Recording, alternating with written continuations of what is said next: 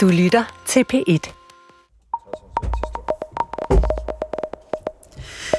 Danskerne har krav på at få ejendomsvurderinger, der rammer så godt som muligt. Sådan stod der sort på hvidt, da regeringen for 10 år siden præsenterede et udspil til en ny model for de offentlige ejendomsvurderinger. Den nye model skulle sikre tilliden til vurderingerne og dermed til, at boligejerne betaler den skat, de skal, hverken mere eller mindre.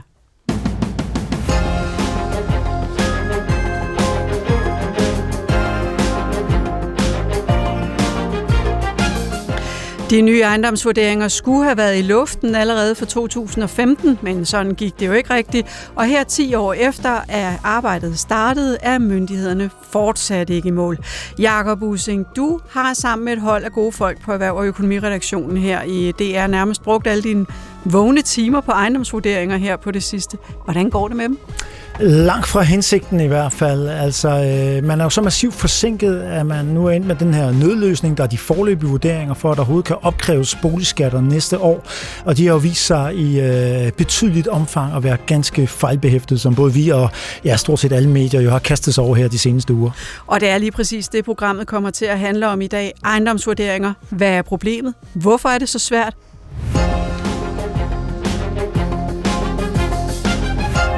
Du lytter til Følg Pengene. Jeg hedder Mette Simonsen, og med i studiet har jeg, som I allerede har hørt, Jakob Using, erhvervskorrespondent her i DR. Dejligt at være med. Jamen, jeg er glad for, at du er her, fordi det kræver faktisk lidt af en støttepædagog at komme igennem de her ejendomsvurderinger, vil jeg sige. det har også taget med et års tid, eller mere sådan at for alvor få, få styr på det, vil jeg sige. Det er ekstremt kompliceret. Jakob, inden vi fortsætter, så må vi heller lige deklarere, at du bor til leje på Nørrebro i København. Korrekt. Jeg bor ikke mange hundrede meter fra dig. Det er hyggeligt med det. Det er hyggeligt at møde dig på gaden. Men indtil videre, så udstår det i hvert fald, hvad konsekvenserne ved de her nye modeller kommer til at være for os. Ja, det tager vi i et senere program, tror jeg. Det tænker jeg også. Men vi har flere gæster. Vi skal også sige velkommen til Jeppe Brugs, skatteminister og boligejer med hus lidt uden for København. Velkommen til Følge Ja, tak for det.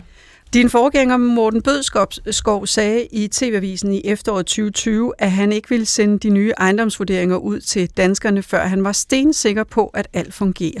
Fungerer det nu, synes du? Øh, hvis man kigger på, øh, øh, på de forløbige vurderinger, så har der været nogle ting, som er stukket i øjnene. Øh, nu siger Using, at, at det, det er betydeligt omfang, tror jeg, det var det, der var formuleringen, øh, ikke rammer skiven. Det, det kan man sige, de tal, vi har fra Vurderingsstyrelsen, fortæller ikke helt den historie faktisk. Altså, der er jo flere ting i gang, og derfor forstår jeg udmærket godt, at man som boligejer derude har svært ved at holde hovedet og hale i, hvad er det egentlig, der foregår. Vi er i gang med at sende 2020-vurderinger ud. Det er endelige vurderinger. Det er en vurdering, der kommer ud til boligejerne. Man kan rette de data, der ligger til grund for det, hvis BBR er forkert, hvis der er flere kvadratmeter end det, der er opgivet osv. Øh, og så får man en endelig vurdering, og det kan man så klage over. Der er cirka en halv million øh, 2020-vurderinger, der er sendt ud i øjeblikket. Øh, de første 200.000 cirka, øh, der ligger klageprocenten på 0,4 procent. Det vil sige, at der er 0,4 procent af dem, der har fået en endelig vurdering, der er klaget over den. Det ligger faktisk betydeligt under det, vi havde forudsat. Øh, og nogle af de ting, vi ser her i de forlige vurderinger, bliver fanget i de endelige vurderinger. Ja, det vil sige, at hvis der er nogle skævheder eller noget andet, så bliver det fanget. Og det er jo første gang, skal vi huske, i mange, mange år, at vi sender ejendomsvurderinger ud. Så jeg vil også være helt ærlig at sige, at der er et, en kæmpe opgave her i at få rettet data til. Mm. Øh, og det er ikke så underligt endda. Og når jeg snakker med dem, og det har jeg også gjort, inden vi sendte de forlige vurderinger ud, Øh, og jeg har også været ærlig at sige, at det er et højrisikoprojekt, og der vil være nogle fejl, og der skal rettes til. Og det er endda et projekt, du har overtaget fra et ikke lille antal skatteministre. Nej, det, er det er ikke noget, jeg selv lige har fundet på fra starten af, det vil jeg gerne sige. Hvor vi kommer tilbage til alle detaljerne. Vi skal nemlig også sige velkommen til Peter Engberg. Peter Engberg var formand for det ekspertudvalg, der tilbage i 14 kom med anbefalinger til at forbedre ejendomsvurderingerne. Du har også været koncernchef i realkreditselskabet Nykredit, og nu er du blandt andet blandt rigtig mange ting formand for den sociale kapitalfond. Velkommen til Følgepengene. Tak skal du have. Det er cirka ni år siden, at du afleverede din rapport, så lad os lige spole tiden tilbage til september 2014, da det ekspertudvalg, som du var formand for, afleverede sine anbefalinger. Troede du dengang, at man ville kunne lave et, øh, eller kunne lave, nå at komme i land med at lave nye ejendomsvurderinger for 2015, som var det oprindelige mål? Det var jo et øh, stort projekt, det ved vi godt. Øh, jeg tror, der er en ting, man skal være opmærksom på i det her, det er, at vi taler hele tiden vurderingerne og den der model og øh, beregning og så videre. Det er sådan set det mindste. Altså, vi lavede i øh, løbet af seks måneder en øh, model, øh, vi lavede faktisk fem modeller for de forskellige ejendomstyper og testede dem af, kom frem til nogle resultater, som de nye øh, modeller jo så er bedre. Det regnede vi faktisk også med på det tidspunkt. Så selve det der beregningsteknik, det er sådan set ikke det svære. Det svære, det er alt det administration, der ligger udenom, klagesystemer osv. Vi var øh, opmærksomme på, det sagde vi også i vores rapport, at et vurderingssystem er ikke kun beregningen. Det er altså også data, det er klagesystemer, det er information og sådan nogle ting. Og, og få alt det op, det, øh, det har været et stort projekt, og nok større, end øh, man forventede på det tidspunkt. Vi arbejdede kun med teknikken. Men troede du dengang, at der ville kunne ligge nye ejendomsvurderinger bygget på jeres modeller i to, for 2015?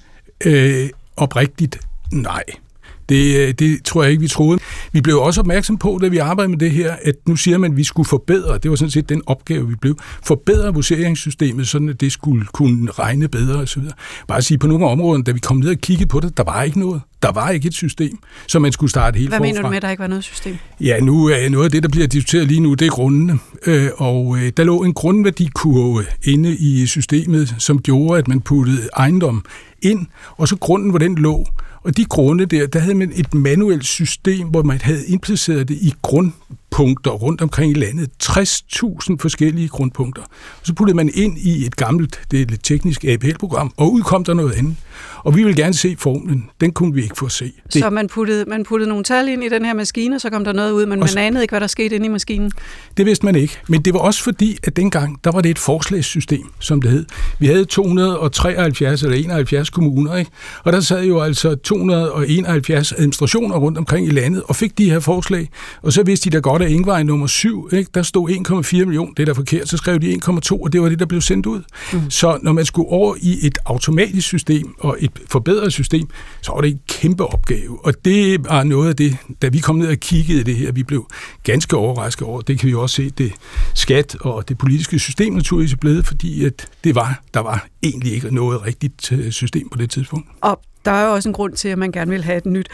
Vi skal også sige velkommen til Preben Mal Angelo, direktør i ejendomsmælderkæden Realmalerne. Velkommen til. Tak skal du have. Du er med på en linje fra vores studie i Aarhus. De nye vurderinger har har nemlig givet dig og dine partnere en masse mere arbejde, siger du. Hvorfor det? Jamen, det, jeg genkender ikke helt det øh, billede, skatministeren er ude at sige om, at øh, øh, øh, systemet passer.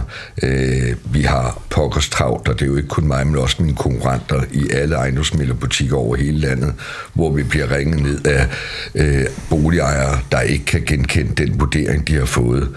Øh, vi siger jo til dem, og det er jo nok også en af årsagerne til, at der øh, har været forholdsvis få klager, og det kommer skatteministeren også sikkert ind på, at selve boligbeskatningen i 80% af tilfældene er lavere, end, øh, end, øh, end, øh, end øh, det var før. Så de 80% slipper billigere, og så er 20%, øh, der, der, der betaler mere. Men udfordringen her, det er, at boligejerne derude, det kan godt være, at de ser lidt på boligbeskatningen, men de kan ikke forstå vurderingen. Og øh, vores vurdering er, at cirka omkring mellem 35 til 50 procent af de vurderinger, vi er ude på i øjeblikket, de rammer ikke skiven. Du lytter selvfølgelig pengene, hvor vi i dag ser på alt det bøvl og usikkerhed, der er det nye øh, system omkring ejendomsvurderinger og boligskatter giver rundt omkring i landet lige nu. Med i studiet har jeg Jeppe Brugs, skatteminister, Peter Ingberg, tidligere topdirektør i Nykredit og mange andre ting, men vi har inviteret dig med i dag, fordi du også er tidligere formand for det ekspertudvalg, der for 10 år siden blev bedt om at komme med bud på, hvordan vi skulle indrette vores ejendomsvurderingssystem. Og så har vi Preben Angelo, direktør i egen ejendomsmælerkæden øh, Realmælerne, og Jakob Using, ikke at forglemme. Og lad os lige se en gang på, hvad det er for nogle af, af de udfordringer, ejendomsvurderingssystemet er stødt på, Jakob Using. Der har været den ene historie efter den anden om de her nye ejendomsvurderinger, om forsinkelser, om fejl, om uigennemsigtighed og manglende klagemuligheder. Hvad vil du prøve at sætte nogle flere ord på de problemer, det er, du har stødt på i dit arbejde med, med ejendomsvurderinger gennem de sidste mange måneder? Ja, det er efterhånden mange måneder. Det er over et år siden, at jeg og en øh, række rigtig gode kolleger øh, begyndte øh, for alvor at kigge på det her. Og man kan vel sige, at problemtyperne især deler sig i to kasser øh, i de afsløringer, vi har lavet over et års tid. Øh, et, at der er problemer med kvaliteten af de data, man kommer ind i maskinen. Øh, der er en række forskellige datakilder, der har været problematiske og er problematiske. Og to, selve IT-systemet er også ramt af nogle gevaldige udfordringer. Det er ligesom de to hovedproblemkilder, øh, der er i det her. Og det er klart, når man så ender med den her nødløsning for øh, boligskatten næste år, altså de her forløbige vurderinger, hvor man ikke har de manuelle kontrolfunktioner i samme grad bagefter osv., så, så får vi jo nogle forholdvurderinger, der i højere grad er udtryk for kvaliteten af de data, der kommer ind i maskinen, og maskinens evne til så at lave vurderingerne. Og det kunne jo umiddelbart ligne en forklaring på, hvorfor der er så mange boligejere øh, og ejendomsmælere, der er dybt øh, forundret over, hvad det er, der er kommet ud af, af maskinen. Det er den ene ting af problemerne, der er ved de her to forskellige øh, typer af, af problemer, vi har afsløret. Det er, at man så får vurderinger, der ikke er korrekte. Øh, det andet, det er jo det her med retssikkerheden, som der er en lang række eksperter over det seneste år, der har kritiseret rigtig meget at det er så vigtigt, at vurderingerne er ens, for det var jo faktisk det, der var hele udgangspunktet, øh, altså er ens for to grunde og huse, der er ens, ja. øh, for det var hele udgangspunktet for, hvorfor man trak i håndbremsen øh, oprindeligt, altså at der var alt for mange eksempler på nogen, der burde have nærmest identiske ejendomsvurderinger, som fik nogen, der var vidt forskellige. Øh, og det er jo så de eksempler, vi igen har kunne trække nogen frem af her i det nye system. Øh, vi kommer til at høre en af dem øh, lige om lidt, der kan berette om det, øh, og det er et problem mener eksperterne, altså for, for retssikkerheden og retsfølelsen, øh, når det er det resultat, der kommer ud af det, og jo ikke mindst, hvis man så havner i sådan en situation som med de forlige vurderinger, hvor den klageret, man har som borger, i det her tilfælde boligejer, øh, er suspenderet, indtil man får sin endelige vurdering, som jo aller tidligst bliver i 2025. Og lad os lige, som du siger, møde en af de boligejere, som øh, har bokset med systemet. Det er John Rasmussen, der er med på en linje fra Nykøbing Falster. Velkommen til Følg Pengene. Tak skal du have. John Rasmussen, som vi hører her, er der jo øh, adskillige problemer med de oplysninger, der ligger til grund for vurderingerne. Øh, vi har en servitut på vores ejendom, der ligger her i første række ned til Guldborgsund i Nykøbing Falster, som siger, at grunden ikke må deles. Og der er forskellige andre bestemmelser i den servitut, som gør, at, at man ikke kan opdele grunden. Øh, og det ved øh, vurderingsmyndighederne jo ikke, fordi de kan ikke gå ind og se, ja det kunne de godt, men øh, de gør det ikke, øh, hvad der står i tinglysningssystemet om de enkelte ejendomme. Og de har til synligheden heller ikke øh, gået ned i det gamle vurderingssystem, hvor der jo er de samme oplysninger, hvor vi har været registreret med én byggeret, øh, og, og det har man heller ikke taget hensyn til. Og, og så siger man, at jeres grunde er så store, mere end 1400 kvadratmeter, så de kan opdeles i to, og så er grunden 60 procent cirka mere værd, end hvis den ikke kunne deles. Og, og derfor får vi jo en, en meget større grundværdi, end, end vi skulle have haft. Men når du ikke har fået din egen vurdering endnu, hvordan, øh, hvordan kan det så være, at du allerede har kastet dig ind i, i det her med de nye ejendomsvurderinger? Jo, det, det var fordi en af, af mine gode bekendte har en af de tilsvarende grunde og fortalte om de vanskeligheder, øh, de havde med at få Vurderingsstyrelsen øh, til at, at, at indse, at den ikke kunne opdeles. Så hjalp jeg dem med at skrive en klage. Og, og, og efterfølgende gik jeg så rundt og ringede på hos øh, de to andre øh, i rækken, der havde det samme, og, og, og fik dem til at klage også. Og, og de har jo alle tre fået, fået medhold, men mærkeligt nok med forskellige begrundelser. Hvad, hvad har du så selv modtaget indtil videre som bolig? Ja, jeg har fået den, øh, den øh, midlertidige 2022-vurdering, som alle, alle andre har. Og, og der kan jeg jo se, og der kan jeg jo se, at øh, øh, der har man øh, forventet, at den her grund kan opdeles, øh, hvad den jo altså ikke kan, og, og sat øh, grundværdien til over 3 millioner, hvor den kun skal være to. Mm. Nu står vi jo så her med Jeppe Brugs i studiet. Er der noget, du gerne vil sige til ham? ja. Øh, det jeg vil sige, det er, at nu har, nu har de øh, tre andre, øh, som har fået medhold her for et snart et halvt år siden, i at grunden ikke kan opdeles, de har jo også fået de midlertidige 2022-vurderinger. Og, og, og der har de jo kunne se, øh, at man pludselig har slået en streg over den øh, nedsættelse, som man for et halvt år siden har givet dem, og alligevel vurderer deres øh, grund ud fra, at den kan opdeles. Og det kan de jo ikke forstå. De øh, er harmdierne. Jeppe Brugs, harmdierne boligejere, kan du, godt, altså, kan du godt forstå det egentlig? Ja, det kan jeg godt forstå. Øh, hvis jeg skal prøve at sætte nogle ord på, på den situation, som du beskriver, John, øh, så kan det måske virke lidt, lidt, lidt øh, absurd at sige det her, men det er jo faktisk udtryk for, at systemet virker. Altså, du får en vurdering baseret på dit data, og, og systemet er øh, automatisk. Modsat tidligere, hvor det var mere øh, subjektive vurderinger, så er det her øh, databaseret. Og det betyder, at det ikke er bedre end de data, der kommer ind. Og når der ikke er servitutter inde i det system, så er det fordi servitutterne har en karakter, hvor de er meget forskellige. Nogle af dem ligger digitale, men den digitale fil, der ligger, kan fx være et screendump af en pdf. Andre ligger i bøger, hvor det er rent manuelt. Og det vil sige, at vi har ikke et databaseret system i Danmark over servitutter. Men det heller det ikke også, om I har for travlt? Altså, når, når man får medhold i sin klage på en 2020-vurdering, så kommer der en, øh, en, en forløbig. en forløbig for 2022, hvor at det, man lige har fået medhold i, ikke er med. Det virker jo absurd for en boligejer at skulle sidde og se på det. Ja, og det, grunden er, at der er cirka en halv million, der har fået en 2020-vurdering. Det vil sige, at det er langt fra alle. Så der er jo også rigtig mange. De fleste får først en 2020-vurdering, efter de har fået den forløbige vurdering. Og, og det foregår automatisk, det vil sige, at der er en skæringsdato, så det, der når at blive rettet, inden den skæringsdato er med, det, der ikke når at blive rettet, er ikke med. Og det vil sige, at der er altså nogen, der oplever den her situation. Det forstår jeg godt, kan være frustrerende og virke øh, absurd, men, men det er simpelthen et spørgsmål om, at, at der, der er to ting i gang, fordi vi er i gang med en stor overgangsår. Men har I for travlt? Der, der er travlt, og det er et højrisikoprojekt, det har kommunikeret hele tiden, men, men alternativet til ikke at sende de her forløbige vurderinger ud, det er, at vi ikke har et grundlag at beskatte for til næste år. Det alternativ vil være meget værre end den situation, vi står i. Øh, plus, at man skal huske, at det er midlertidige forløbige vurderinger. Og når du så får din endelige vurdering, så kan du gå ind i rette data, ligesom John har gjort her. Du kan gøre opmærksom på servitutter. Det bliver rettet til, og så bliver der rettet til også bagudrettet. Så at den periode her, der bliver det selvfølgelig rettet til øh, i forhold til det, du ellers øh, skulle have betalt. Og så har vi jo lavet det sådan, at der er altså ikke nogen, der får en ekstra regning, uanset hvad for en vurdering man får.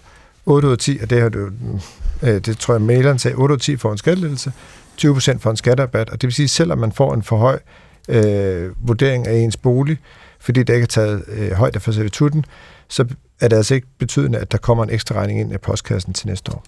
John Rasmussen, I får ikke en ekstra regning ind i postkassen? Ja, det er jeg da glad for, at jeg øh, så ikke gør, og det, og, det, øh, og det hjælper da også på det. Øh, men øh, det her har jo også noget at gøre med det, Peter Engberg sagde, at øh, det var meget vigtigt med kommunikationen, det her. Hvis nu vi fik at vide, hvornår den skæringsdato var, så kunne så kunne, så kunne de, øh, de borgere, der havde fået medhold, de kunne så læne sig tilbage og sige, at ja, de har bare ikke noget at registrere det, og det betyder ikke noget for mig, for jeg skal ikke sælge min ejendom lige nu, øh, så jeg venter bare, til vi får den endelige vurdering. Men, men, men de bliver jo vrede, når ikke de kan forstå, at, at deres øh, medhold ikke slår igennem. Øh. Og, og det, det medgiver jeg meget gerne, øh, John. Altså, vi har lavet sådan nogle ark over, prøver vi at lave sådan nogle ark over, hvor mange informationer, man får fra myndighederne i forhold til boliger. Hvis du for eksempel har en bolig, og du har et sommerhus, øh, du får en 2020-vurdering på et tidspunkt, og en forløbig vurdering. Altså, det er en enorm vanskelig opgave. Der bliver brugt rigtig mange ressourcer på at informere. Øh, kunne det være bedre? Selvfølgelig kunne det være det. Øh, men, ja. men det er noget, man arbejder meget på, og jeg skal det kun beklage, hvis der sidder nogen her, som, som føler sig unødigt øh, forvirret.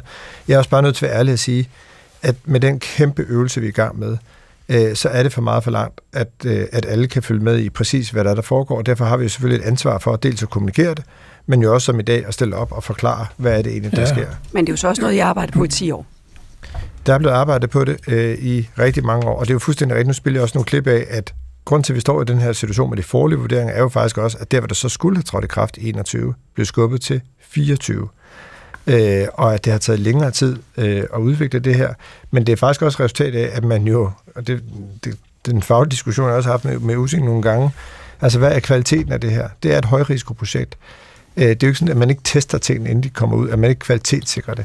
Det er også derfor, at klageprocenten over de her 2020-vurderinger er meget lav, fordi man faktisk laver rigtig meget arbejde, men det tager lang tid. Øh, og selvom der er mange mennesker ansat, øh, Øh, så er det også resultat af, at når tingene forskubber sig, så er det faktisk fordi, at man vil være sikker på, at man ikke sender noget ud, øh, som er alt for fejlbehæftet. Det kan måske lyde lidt underligt, at jeg siger det, i lyset af, at vi har sendt de her forløbige 2020-vurderinger ud, men det er altså forløbige vurderinger. Der er ingen, der får en ekstra regning, og man får mulighed for at rette til, øh, når man får den endelige vurdering. Vi kommer øh, tilbage til klagemulighederne og til, øh, til retssikkerheden, men Jakob Using, John Rasmussens øh, nabo og sag her er jo blot en ud af ganske, eller nogen ud af ganske mange, som vi er stødt på på redaktionen. Mailboksene buner af utilfredse og forvirrede boligejere, som har modtaget skæve vurderinger, synes de. Hvad har I egentlig ellers stødt på af problemer? Jeg var lige inde og, og se, hvor mange der egentlig havde skrevet til os, øh, siden de forløb vurderinger øh, blev gjort offentligt tilgængeligt øh, for knap to uger siden. Øh, det er altså rundet 1200 nu vrede boligejere, der er skrevet bare til Danmarks Radio. Så er der også alle mulige, der skriver til alle mulige andre. Der er nogen, der slet ikke skriver. Så det, det siger er noget, rigtig mange. Det siger jo noget om problemets omfang. Altså, når jeg ellers laver en afslørende historie, så får jeg måske 10 eller 20 mails, hvis det går rigtig, rigtig højt.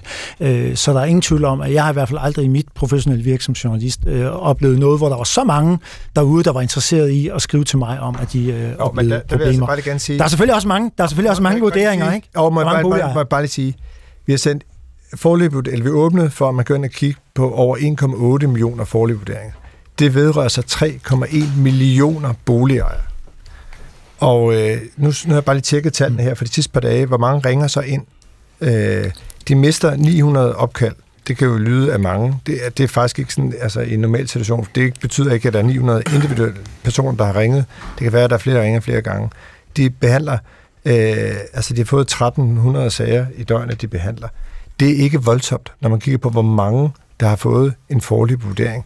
Og derfor så det med at sige, for jeg spurgte det i sidste uge, hvor mange henvendelser har fået, på det tidspunkt har fået 400, og så laver man en historie, at nu er alle i chok, og det hele falder. Altså, i, i relation til, hvor mange mennesker, der faktisk øh, har fået en vurdering, så er det ikke voldsomt. Men det skal ikke negligere, at der har været fejl. Jeg siger også bare, og det er bare en anden på, jeg er nødt til at sige det også, fordi det der med kvaliteten, Altså træfsikkerheden her, hvis vi kommer tilbage til det, er faktisk væsentligt højere end Men det indtryk, man får. Antallet af folk, der henvender sig til jer i Skatteministeriet, svarer jo ikke særlig godt overensstemme, i, i overensstemmelse med, hvad ejendomsmalerne oplever lige nu. Jeg kan se Preben øh, Angelo øh, markere op fra Aarhus.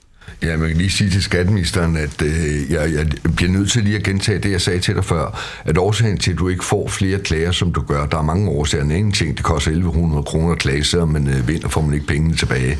Øh, det er ikke den nemmeste øh, klageadgang. Jeg har selv været inde og klage, var en af dem, der fik de allerførste vurderinger, øh, for det er mit, øh, mit hus, det i hvert fald ikke passet. Øh, så siger jeg, det der vi så reagerer på baggrund af det, vi oplever ude hos os, det er, at folk ringer ind til os og siger, at vurderingen er forkert. Det kan godt være, at boligbeskatning er lavere, men vurderingen er forkert. Og det er derfor måske, du ikke hører noget. 80% af alle får i øjeblikket en skattelettelse ifølge det, du siger. Og det må vi så tro på, at det er rigtigt. Det er rigtigt. Det der er den store udfordring, jeg oplever, og når du ikke modtager flere klager, end du gør, så er det, folk kigger ned på den bund og siger, nå ja, det bliver jo alligevel øh, billigere for os. Men når det så kommer til vurderingen, og det er der, hvor mine ejendomsmælder, ejendomsmælere over hele landet, knokler rundt i øjeblikket, for det er dem, de ikke forstår. Det kan godt være, at beskatningen er lavere, men de forstår ikke vurderingen. Og jeg vil sige til dig, at den, øh, der er rundt til en lang række af mine ejendomsmælere i går for at spørge, på dem, jeg har været ude på indtil nu, hvor, hvor ofte går I så ud og siger, at den er ramt ved siden af skiven? Og nu får du et antal, det ligger over 50 procent. Så over 50 procent af ja. de huse øh, eller boliger, I er ude at se ja. på, fordi der kommer kunder og henvender sig til jer og siger, at de kan ikke forstå deres ja. vurdering, der, der mener I, at vurderingen er forkert. Ja, det er korrekt.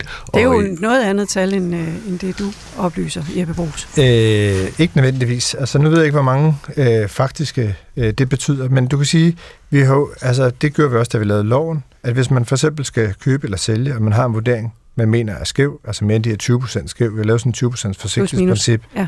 så man bliver kun beskattet for 80% af den vurdering, der er. Øh, og man for eksempel har en ejendomsmælder, der siger, her er en salgsopstilling, dit hus skal sælges til 2 millioner, og den offentlige vurdering siger, at det er 3 eller 4, øh, så skal det rettes til, fordi det er en forløb vurdering, og det skal gå hurtigt. Øh, og det er klart, i de tilfælde, hvor man så tilkalder en ejendomsmælder, så tænker jeg, at det er de fleste tilfælde der, hvor man står i en køb- og salgssituation. Øh, og hvis man er i tvivl, øh, så, så begge dele kan jo godt være rigtigt, at øh, når de så kommer ud og kigger på det, så er det der, hvor der er en, en, en boligejer, der med rette siger, at det her det er skævt i forhold til det, jeg skal sælge for.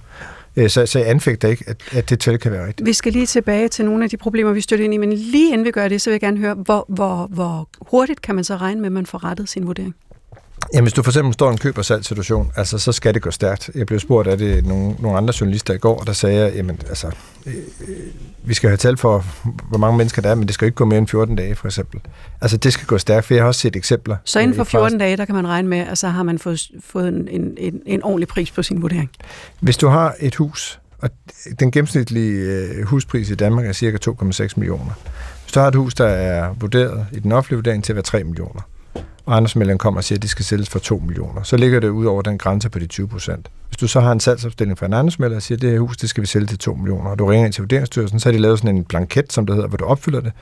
Du sender den opstilling ind, øh, og så mener jeg sådan set, så skal du trykke på en knap og sige, det er fint, så ændrer vi den forløbige vurdering til 2 millioner, fordi du får en endelig vurdering og en individuel sagsbehandling senere hen, øh, og, og, og det må ikke tage mere end 14 dage. Tak skal du have. Jakob Husing, vi skal lige tilbage til nogle af de øh, udfordringer, I stødte ind i undervejs i jeres mange måneders arbejde. Mark. Ja, og hvad der så stod i de mails. ja, og hvad der stod i de mails også, det er. Man kan sige, der, er, der er vel øh, tre hovedgrupper af, af problemer, som boligejerne selv øh, mener, at de er ramt af, og fejl, de mener, de er ramt af.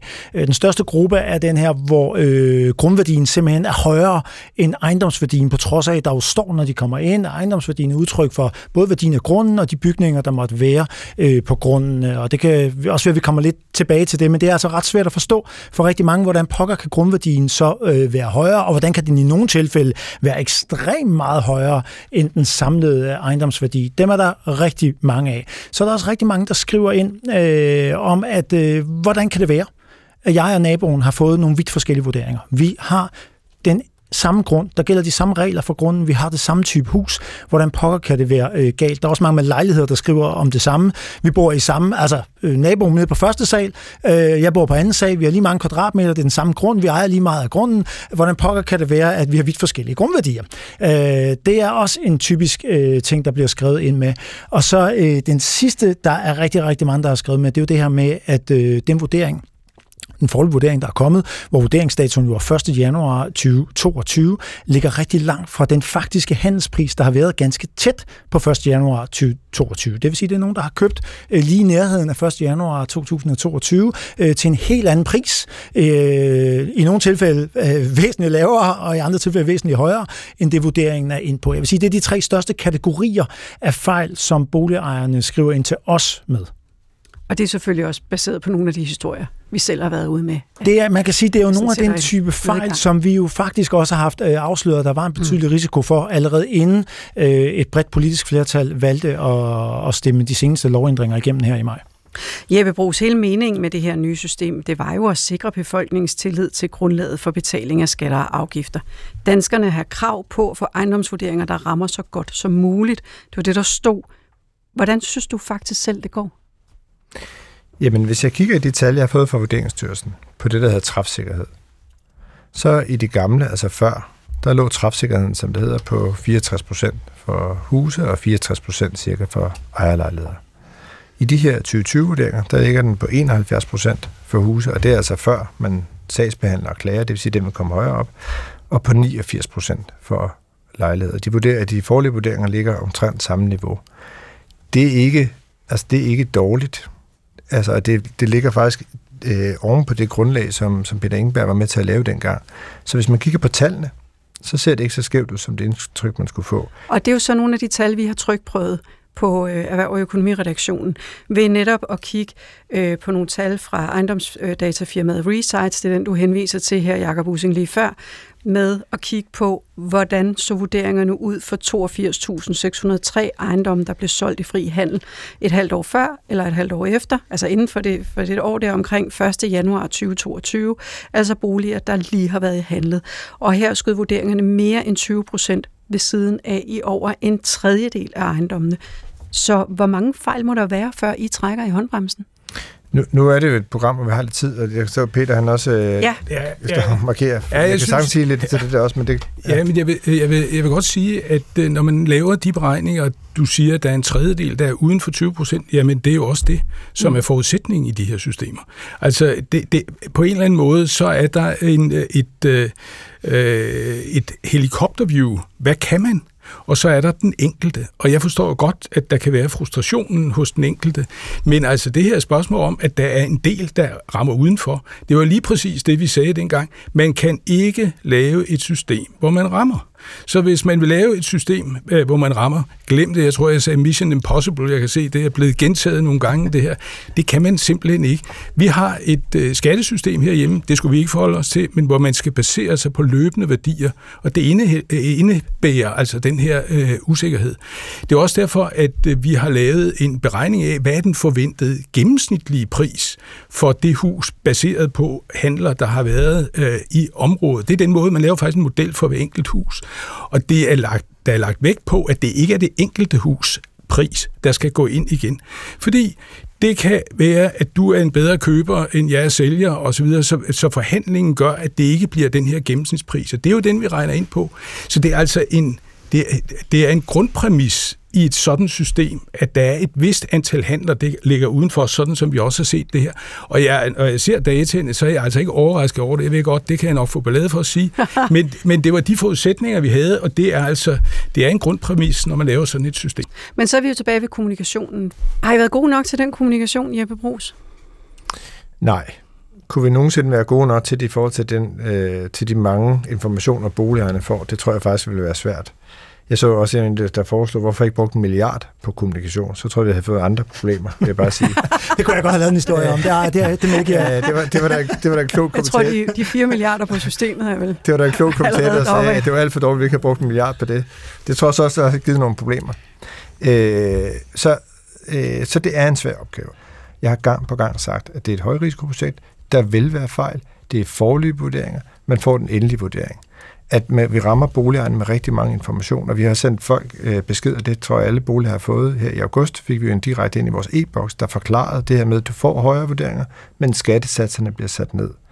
Så vi har jo udmærket godt vidst, at når man kommer med de første vurderinger i mange, mange år, så vil vi som boligejer få et chok, øh, fordi man tænker, hold da op, det er da nok en høj vurdering. Øh, min egen øh, grundvurdering er steget øh, voldsomt den afspejler faktisk de grunde, der bliver solgt i mit område. Min grundskyld er stort set den samme. Og det vil sige, selvom min øh, grundværdi øh, er blevet, tror jeg, firedoblet, så skal jeg betale stort set det samme grundskyld. Og det er jo resultat af, at vurderingerne stiger op på et niveau, som faktisk passer med det grunde, bliver solgt for de enkelte grunde i mit område. Men grundskyldssatsen bliver sat ned, og det vil sige, at jeg betaler stort set det samme grundskyld det budskab, det har jeg forsøgt at kommunikere rigtig mange gange. Det har jeg også gjort virkelig mange gange de sidste par uger. Og så bare sige til den der undersøgelse omkring salgsprisen, oven på det Peter han siger, når, når man er i områder i en jysk kommune, hvor der er langt mellem husene, der bliver jo handlet under 5% bolig om året. Så kan du, og vi har 15 referenceejendomme, det vil sige, at din kvadratmeterpris bliver afgjort af 15 øh, handler i dit område, så kan der være meget langt mellem husene. Øh, og det vil sige, hvis ikke det er en gennemsnitsberegning, men hvis man tog de faktiske handler ind, så vil, så vil du jo risikere, at der vil nogen, der vil få nogle endnu skævere vurderinger. Og det er jo derfor, det her det er en databaseret model med nogle gennemsnitsbetragtninger. Øh, og derfor, det tal, jeg læner mig op af, er jo ikke det tal, som et firma, med al respekt, I får lavet hos et firma, eller nogle andre, der går ud og spørger nogle andres malere. Øh, det er sådan set, hvad er det, der så kommer op? Hvad er det for mål, der var for træfsikkerheden? Nu har man ikke sat politiske mål for det, men hvad var det for noget, man lagde til grund dengang øh, Peter sad med det? Øh, og der må jeg bare sige, at tallene ser jo ikke sådan helt altså, skræmmende ud. Altså, det er jo det, jeg har præsenteret for forligskredsen, hvor vi faktisk ligger væsentligt højere. Og de tal vil blive bedre i takt med, at der er en individuel sagsbehandling, i takt med, at folk retter data. Øh, og, og, og det er jo ligesom det grundlag, vi er nødt til at følge med i, og så er vi nødt til at følge med i, selvom nu ejendomsmanden siger, at folk vil ikke klage. Det er trods alt lidt relevant at kigge på, hvor mange ender så med at klage og få medhold i forhold til, hvad er kvaliteten i orden. Jeg vil godt tænke mig, at vi lige sprang lidt i tid, for øh, allerede i starten af nullerne, der var der jo masservis af utilfredse boligejere, og bunken af klager bare voksede og voksede. I 2013 blev vurderingerne sat på hold efter kritik fra Rigsrevisionen. Skat har forvaltet området øh, for ejendomsvurdering meget kritisabelt. Her hørte vi så rigsrevisor Lone Strøm fra et pressemøde i august i 2013, og nu står vi så 10 år efter, og problemerne toner sig fortsat op. Mange boligejere står måske fortsat i vildrede og føler, at vi måske ikke er kommet helt så meget videre. Peter Ingeberg, du sad jo som formand i det ekspertudvalg, øh, der skulle sikre befolkningens tillid til vurderingerne og at det skulle ramme så godt som muligt. Her med, med det her med skæve ejendomsvurderinger, det har jo været en historie gennem årtier. Men hvorfor er det egentlig, det er så svært? Jamen, øh, men hvis man kigger på opgaven, øh, så er det jo sådan, at der er 5% af huse eller ejendomme i dette land, der bliver handlet hvert år. De har hver deres karakteristika og så videre. Og handelspriserne for de 5%, de skal transformeres over til de 95%, som ikke bliver handlet, som har forskellige karakteristika, vedligeholdelse osv. Det kan man gøre på forskellige måder. Det kan man gøre sådan matematisk, som man nu gør det her, og som gerne skulle gøre det mere ensartet. Men man kan også gøre det på andre måder ved sådan at lave en fysisk vurdering osv. Vi må bare sige, at den måde, man gør det her på, er det, der rammer bedst. Men det er klart, at de forskellige karakteristika for de enkelte huse, og ikke mindst grundene, det gør jo, at usikkerheden den, den, den har en, en pæn størrelse. Findes der nemmere løsninger? Jeg tror ikke, der findes nemmere løsninger. Altså, som jeg har sagt tidligere, så er der en del, det er jo administrationen af det her. Det, er, det, det har vi diskuteret klagesystemer osv. Altså, jeg vil bare sige, at da vi arbejdede med det, det mindste problem, det var at lave modellen for ejendomsvurderingen, altså selve matematikken. Øh, og det er udviklet siden da, det er jeg helt sikker på. Så er det klart et spørgsmål om data. Der er, øh, der er hele øh, problemet om, om data er gode nok på ejerboligområdet, mente vi det faktisk. Og så er der spørgsmål om grunde. Og det var vi jo inde og kigge på dengang, og vi mente, at, at det ville være øh, ikke muligt at lave en, en, en model, der beregnede grundværdier. Der var man nødt til at finde nogle andre måder at gøre det her på. Vi havde et par forslag. Et gående på, at man tog grundværdien som andel af den samlede ejendomsværdi, eller også at man gjorde det ved sådan det, vi kaldte en grundværdikurve, sådan at for billige ejendomme, der var andelen mindre, og for dyre ejendomme, der var den større. Så vi, vi, vi vidste godt, at det var et problem, og det tror jeg også, at øh, det ved Skat jo også i dag, at det er et problem. Og så er det klart, på grundet af den helt specifikke ting, som vi også har hørt øh, tidligere i udsendelsen i dag, med ting omkring servitut og hvad man må osv. Det er, altså, det er virkelig kompliceret. Og der har jeg nok den øh, tiltro, at øh, det, der kommer til at ske, det er, at vi får en periode, og den er jo selvfølgelig ubehagelig for dem, der bliver ramt af det, og derfor er det også godt, at man har sådan en fast track for at få det håndteret. Øh, det, er, det er ubehageligt. Når først det er kommet på plads, så skulle det jo blive i systemerne. Og øh, det, det har jeg i hvert fald tiltro til. Det er også sådan, at systemet var lagt op, at man selv skulle være med til at kommunikere, hvad man havde af BBR og andre ting, sådan at det blev bedre og bedre. Jeg kunne godt tænke mig at øh, komme en tur til Nykøbing Falster igen til dig, John Rasmussen. Du øh, har en ja. bolig, der ligger ned til Guldborg Sund. Set fra din stol, hvad er så de største problemer med de nye vurderinger her? Jamen det, øh, det er grundværdierne. Det som Peter Engberg lige var inde på her.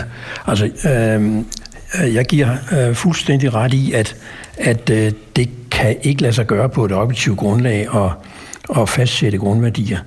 Øh, og det er en ren illusion øh, og fiktion at sige til en ejendomsejer, din ejendom kan du få halvanden million kroner for, men grunden kan udstykkes, og så er den 3 millioner værd. Hvis grunden virkelig var de 3 millioner kroner værd, som øh, Vurderingsstyrelsen siger, den, den er, så ville øh, købere vel også være mere villige til at betale mere end halvanden million kroner for ejendommen. Så folk kan, kan jo ikke forstå det. Jeppe Brugs, det lyder som om, at du kunne spare dig selv for en hel del besvær ved at følge de her anbefalinger om at, øh, at sige, at øh, man ikke sætter pris på grundværdierne, men lige så gør, gør dem til en del af ejendomsværdien. Hvad siger du til det? Jamen, den model, man beskrev dengang, det vil jo betyde, ude i mit område, hvor vi har grunde, der ligner fuldstændig hinanden, øh, mig og mine fire naboer, så vil vi have vidt forskellige grundværdier, fordi det vil være en andel af vores ejendomsværdi. Øhm, og du kan sige, det vil nogen sige, jamen det er jo rigtigt, fordi det er jo det, det så gennemsnitligt, du betaler for det hus. Altså, og dermed giver det mening. Omvendt vil folk jo nok, nogle steder have lidt svært ved at forstå, så længe vi har både en grundværdi og en ejendomsværdi, af to grunde, der ligger ved siden af hinanden, og præcis samme antal kvadratmeter, skal have en meget, meget forskellig pris for, hvad den grund er værd, hvad vil en køber være villig til at betale. Og der skal man huske, grundværdien er det, du bliver beskattet af på grundskyld, altså det, der tilgår kommunerne, mens ejendomsværdien er det, du bliver beskattet af staten og tilgår staten. Så, så, så hvis, man, hvis man endelig skulle blive i den diskussion, øh, så, så, så tror jeg, at det sådan, så var det en helt anden model, man skulle have bygget på dengang. Fordi jeg er ikke sikker på, at vi ville stå med masser af mennesker, der siger, det lyder da helt rimeligt og retfærdigt, øh, hvis det var sådan, det var indrettet. Så har man så forsøgt at lave den øh, grundværdikurve, som Peter også snakker om, så det er svært ved dengang. Der er data blevet meget bedre, man har mange flere datapunkter, som det hedder. Øh, og, og det betyder jo så bare, at det kan jeg jo se ud med et eget område, at de der grundværdier ligner meget godt hinanden, afhængig af, hvad man bor, og den grund øh, der bliver købt med et hus øh, og revet ned og bygges, det, der passer handelsprisen sådan set udmærket. Jeg tror faktisk, det er for de fleste. Og så er der nogle grunde, hvor man så netop er inde i det, som John også er inde på, der siger, okay, her kan vi se, plandata gør, at du må dele din grund. Øh, det må du måske så alligevel ikke, fordi der er en kystbeskyttelseslinje, der ligger en servitut eller andet, så skal det selvfølgelig rettes til. Vi skal lige have Peter Ingberg på. Jamen, øh, jeg vil øh, sige, at jeg, øh, jeg, jeg taler jo om de grundværdikurver, vi havde dengang for 10 år siden, og jeg er sikker på, at dataen de er blevet bedre. Det, øh, det, det, der bare overskygger, det er lidt det, som også skatteministeren øh, nævner her med, at der er nogle grunde, som bliver fastsat øh, øh, ud fra en værdi om bedst økonomisk udnyttelse. Og det vil altså sige, hvis man har en meget stor grund, og den kan udstykkes i fem, så skal man sætte værdien på øh, grundens bedste økonomisk udnyttelse, det er sådan set, at man sælger de 5 kroner og får fem gange byggeretter. Men når man går hen på ejendomsværdien, så er det jo værdien sådan, som den er lige her nu. Og der er altså to systemer, der clasher. Og det tror jeg, man kommer til at diskutere enten kommunikationsmæssigt, eller hvad pokker man vil gøre ved det her. Men det er et af de steder, som jeg i virkeligheden synes jeg, at noget af det her, som er et, et lille hjørne, ikke for den enkelte, men et lille hjørne, som i virkeligheden overskygger, øh, at øh, det faktisk er et system, der rammer inden for skiven i forhold til det, vi forventer forventede tidligere. Jakob Using. Jamen, det er virkelig bare et spørgsmål, jeg, jeg selv har fået, som jeg ikke øh, er kommet op med noget godt svar på, men som jeg tænkte var oplagt at, at sende videre nu her. Det er nogen, der siger, hvorfor er der ikke kun en værdi, lad os kalde den øh, ejendomsværdien eller noget andet, og så finder staten og kommunerne selv ud af, hvordan de fordeler de penge, i stedet for at vi skal havne i den her situation med de her grundværdier. Så kan det godt være, det er et gammelt problem, for det er jo korrekt, øh, at det altid har været øh, den optimale udnyttelse af grunden, man har set på i beskatningen af, af grunden. Men hvorfor pokker laver man ikke bare en værdi? Det er meget nemmere at forstå for alle, og så må staten og kommunerne selv finde ud af, hvordan de øh, deler pengene. Det slås de om på alle mulige andre områder alligevel øh, mindst en gang om året. Og jeg ved ikke, om der er nogen, der har tænkt nogle tanker om det, men nu er det i hvert fald sendt videre fra øh, kloge folk, der har skrevet til mig til jer. Er det en, du vil tage, Jeppe Brugs? Ja, men det, det, så når man er minister, så er man ansvarlig også for den diskussion, der har været engang. Øh, og, og, og jeg kan bedst forklare det på den måde, at da man har den politiske diskussion af det, sådan som jeg forstår det, tilbage i 2016, øh, i den forligskreds og den lovgivning, der er lavet, der forholder man sig til det her spørgsmål. Øh, det, det står i lovteksten, det står i forlisteksten. Der er også svaret på spørgsmål om det dengang. Så der har været en politisk diskussion, hvor man har haft den drøftelse, og der er man nået frem til resultat af, at, at man holder fast i den model. Betyder det, at man ikke kan diskutere det fremadrettet? Det, det tror jeg, der givetvis er noget af det, vi kommer til at diskutere, også i forligskredsen. Men, men, men jeg har også en forpligtelse til at være lojal over for den politiske aftale, der er lavet af mine forgængere. Men det er ikke usandsynligt for dig, at man ender med at slå det hele Jeg synes, at diskussion er relevant. Jeg vil gerne give ordet videre til øh, Preben Mal Angelo, fra, der sidder i vores øh, studie i Aarhus. Ja, altså det helt grundlæggende problem, vi har her, det er, at vi går ud og siger, at vi tror på, at teknikken kan løse det. Nu har jeg været 26 år i den her branche, og hvis der er en ting, jeg har lært gennem de 26 år, at øh, respekt for, at du oppe i dit område, hvor skatministeren bor i, har, øh, at det ser nogenlunde ensartet ud. Men er der nyt køkken? Er der nyt bad? Der er ikke to huse i Danmark, der er ens. Nu får I en idé alle sammen.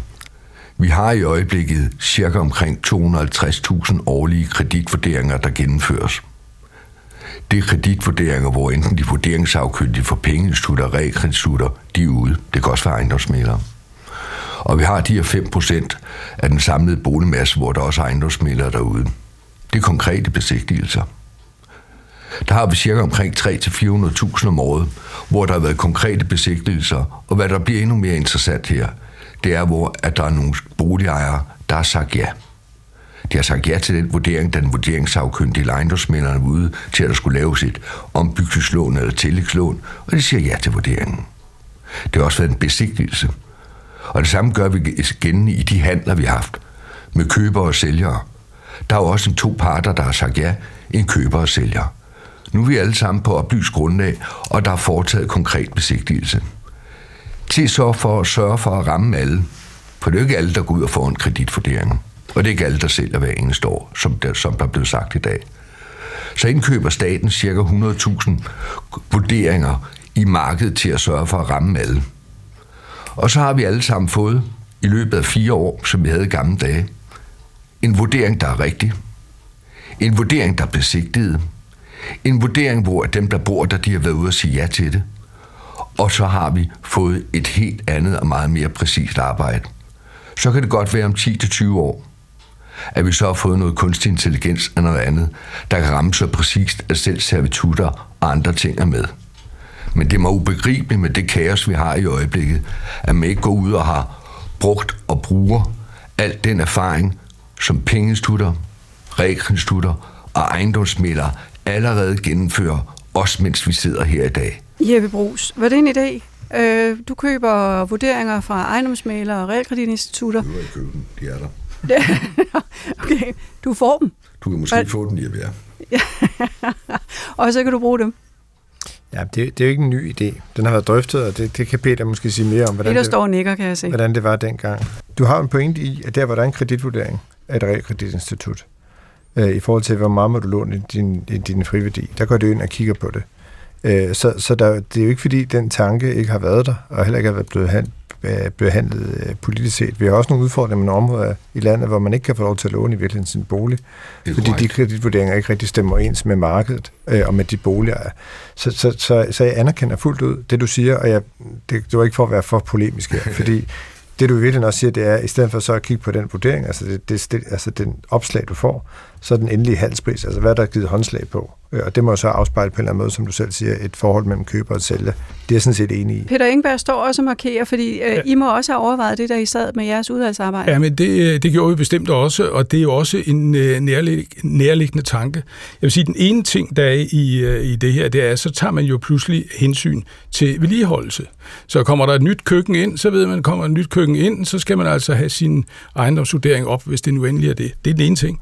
Den anden ting, det er, at man skal også overføre dataen til alle de øh, ejendomme, der ikke er blevet vurderet og handlet. Og jeg hører godt, at forslaget er så, at så kan man få det på andre måder, men det, det, øh, øh det, det giver også problemer. Men jeg vil så sige, at så var vi faktisk også ude at spørge. Nu kom jeg jo selv fra en realkreditinstitut, og der, vi var også ude at spørge andre steder, om hvis man ikke er inde og vurderer, om så en fysisk vurdering, hvor der kører en ud, ser på ejendommen, hvor den ligger, om den bliver bedre end de modeller, vi arbejder med her. Og svaret var nej.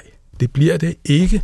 Det, vi gør her, det bliver mere ensartet. Man kan næsten forestille sig det, at hvis man øh, sidder og har to personer, der skal se på den samme ejendom, så øh, bliver der sandsynligvis en forskellig vurdering. Systemet her arbejder hen imod i hvert fald, og jeg ved godt, der er nogle eksempler på, at det skal blive den øh, samme pris.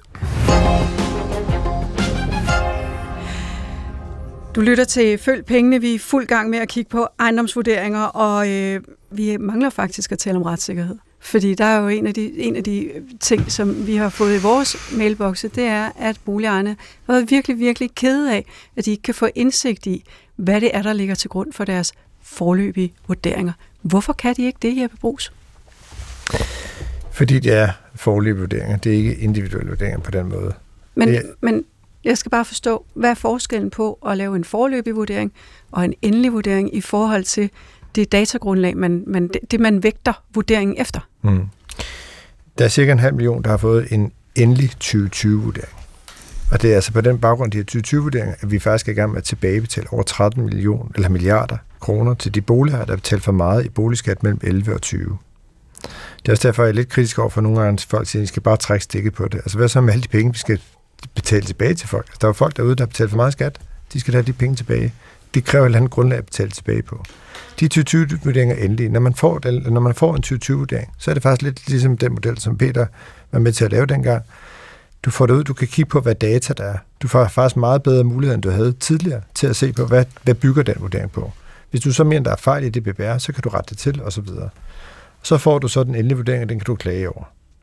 Øh, de forlige vurderinger, det er en model, hvor man har sagt, på baggrund af alt det data, der er, øh, så får vi en vurdering.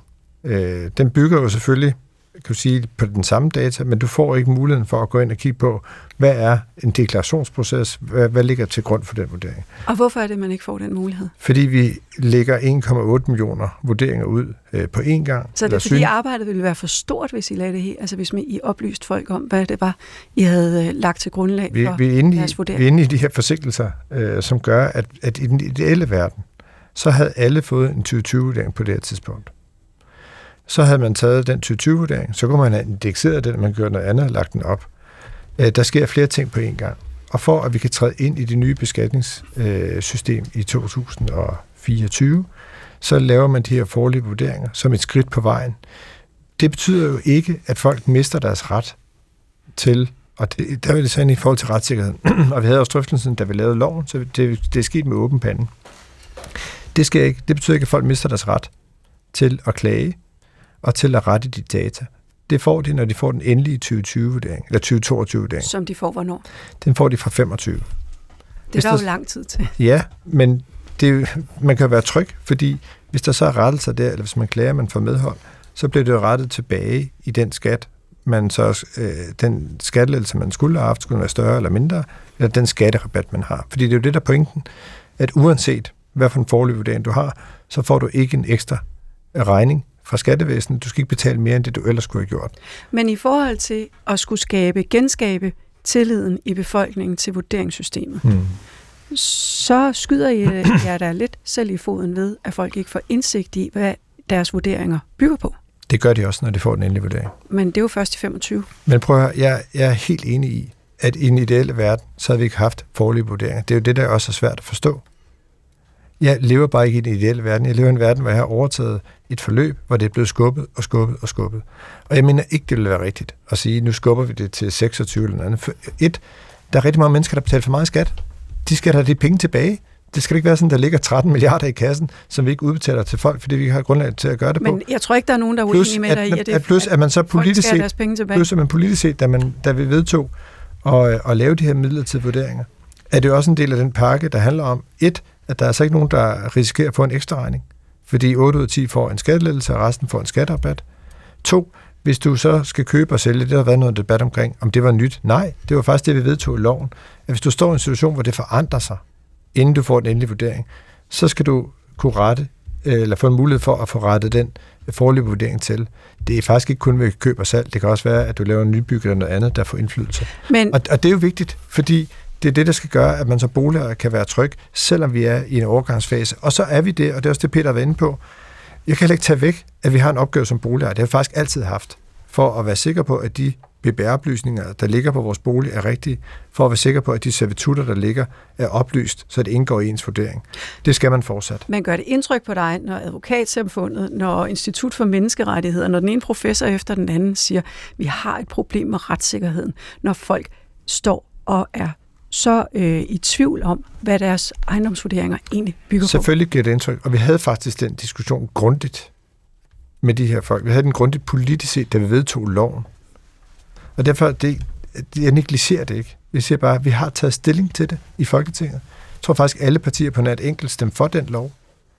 Og derfor så den politiske diskussion om, hvordan vi har håndteret det her, har vi haft. Det betyder ikke, at vi ikke kan vende tilbage til den, men, men, men det er bare for at sige, at det er ikke, fordi det kommer bag på os. Altså, det er faktisk noget, vi har haft en rimelig grundig øh, fælles politisk diskussion af, og hvor stort set det enige Folketing har vedtaget, at det skal være sådan. Og så må folk øh, væbne sig med tålmodighed, og hvis du står og skal sælge, så har du mulighed for Og at hvis du står og sælger eller noget andet, der påvirker din private økonomi, så er der mulighed for at få ændret det. Jakob Ussing? Og det er jo så der, hvor der er i hvert fald en hel række eksperter, der også er ret kritiske. De er jo selvfølgelig øh, glade for, at, at du nu har gået ind og sagt, at så skal det selvfølgelig rettes, og Vurderingsstyrelsen har også sagt, at, at det vil man gøre. Øh, men pointen er jo, at retskravet, du har som borger, på at være sikker på at få den rigtige sagsbehandling, jamen det er jo lige præcis øh, suspenderet. Nu skal man ret henvendelse, så er man afhængig af, at øh, man rent faktisk kommer igennem til Vurderingsstyrelsen, og der er nok ansatte i Vurderingsstyrelsen, der gør det hurtigt nok, og de øvrigt er enige i øh, de her rettelser, så de bliver gennemført. Og der er jo en væsentlig forskel med de her juridiske professorer jo, altså på hvorvidt, at det er et retskrav, du har som borger på en klage og en sagsbehandlingsproces, eller det er sådan en, lad os kalde det en ad hoc løsning, der er kommet, øh, fordi man benytter sig af de her forløb vurderinger. Det er jo i hvert fald det, der er kritikken Ja, fra de juridiske eksperter. Det er fair nok, men jeg er bare nødt til at sige, det er også det, jeg, jeg nu BT på forsøgt at lave sådan en, en historie om, at, at jeg har oversolgt det og sådan noget. Altså, den ret, den der er til at få ændret det, hvis, det, hvis vurderingen er skæv, hvis du har en køb- og salgssituation, er jo ikke noget, jeg har fundet på de sidste to uger. Det, det var jo en del af det, vi lavede i loven. Så har vi så sat nogle initiativer i gang, at bede Vurderingsstyrelsen om at sørge for, at der er nok personer til at tage telefonen, at, at det går hurtigt nok med at sagsbehandle de sager. Alt det der, det er selvfølgelig en politisk forpligtelse. Men selve princippet om, at man har den mulighed med en køb- og salgssituation, det har vi sådan set vedtaget som en del af den lov. Jeppe Brugs, hvornår er det her ejendomsvurderingssystem og det nye øh, ejendomsskattesystem helt op at flyve? Øh, det skal det meget gerne være. Nu tør jeg ikke give nogen garantier, øh, belært af, at jeg er nu, som du selv ser, ind i rækken. Det skal det meget gerne være for 2026. Tak fordi I var med her i Følg Pengene alle sammen. Jeppe Brugs, skatteminister, Peter Engberg, tidligere formand for den ekspertgruppe, der udarbejdet råd og vejledning med hensyn til udviklingen af det nye ejendomsvurderingssystem, og tidligere topchef i Nykredit. Preben Mal Angelo, direktør i ejendomsmalerkæden Realmalerne, og John Rasmussen, boligejer i Nykøbing Falster, og Jakob Using, også tusind tak for hjælpen, vil jeg sige. Det var sandelig så let. Vi det, fortsætter snart igen. Det er erhvervskorrespondent. Steffen Klint stod for teknikken i, og dagens program blev tilrettelagt af Martin Flink og mig selv. Jeg hedder Mette Simonsen. Vi er tilbage næste uge, samme tid og sted, men du kan også finde os på DR Lyd. God uge. Gå på opdagelse i alle DR's podcast og radioprogrammer. I appen DR Lyd.